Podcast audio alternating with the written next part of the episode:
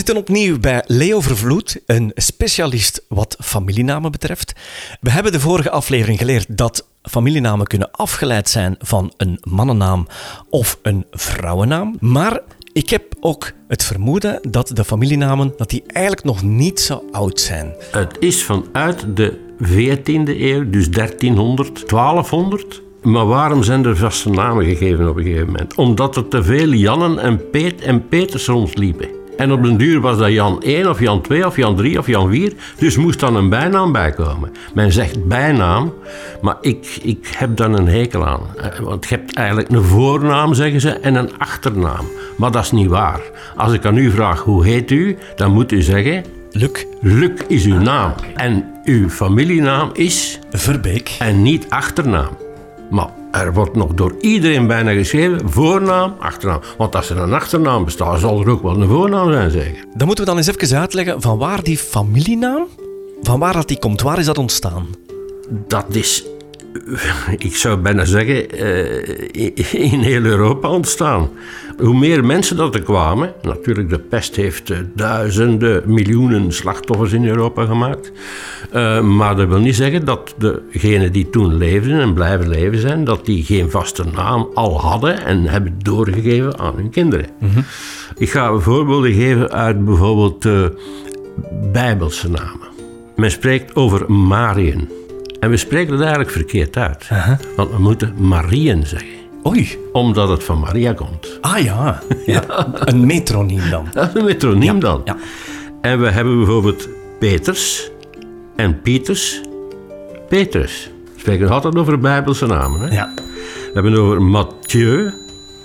Dat is Matthäus. Ja?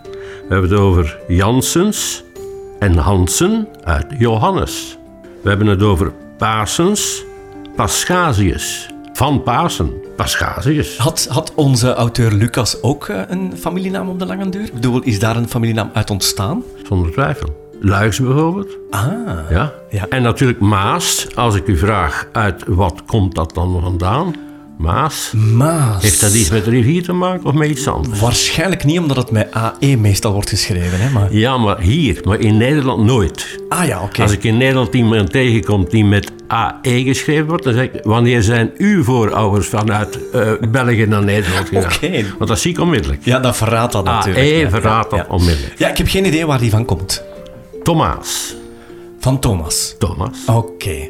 Zeg maar, op de lange duur waren er toch hele grote clans bijna met allemaal diezelfde familienamen, want er waren er niet oneindig veel. Maar die zwerven volop uit. Hè. Men trouwde eh, in een ander dorp en men had niet veel gelegenheid, maar er was kermis eh, zo een paar keer eh, rondom een gemeente, in een andere gemeente. Men ging er naartoe en men trouwde daar een meisje en men ging daar wonen. Ja. Het is zoals muizen. Je hebt een koppeltje en zo dadelijk zitten die overal in huis. En dat is met mensen precies zo gebeurd. Ja. Mijn vader zou zeggen dat is eentje van achter de hoed. Omdat dan achter de kermis, achter de struik, daar gebeurde iets en ze moesten trouwen. Maar Zoiets? nee, nee, ik denk het niet. Pas op. Vrouwen dronken bijna geen bier, want dat was een schande. Behalve in een tent, want dat was geuze en daar stond een pot met klontjes bij. En als vrouwen geus drinken met klontjes bij, dan zijn ze veel gewilliger.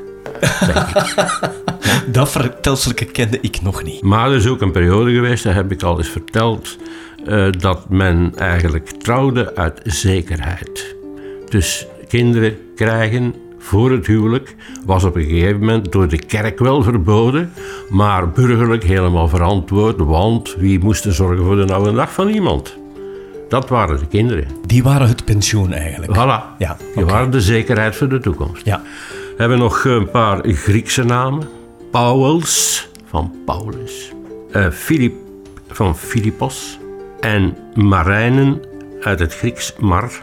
Marijnen. Dus mag ik onthouden uit deze aflevering dat familienamen al heel lang bestaan en dat die eigenlijk al vanuit de Bijbel werden gevormd. Maar denk aan de, aan de Romeinen. Julius Caesar was toch Julius voornaam. Caesar was toch de familienaam. Ja, en hij was dus afkomstig van. De Caesar-familie. Caesar. Maar dus toen bestonden al voornamen en familienamen. Dus er bestaat een heel groot misverstand waar we het in de volgende aflevering zullen over hebben. Oh la la, verschrikkelijk.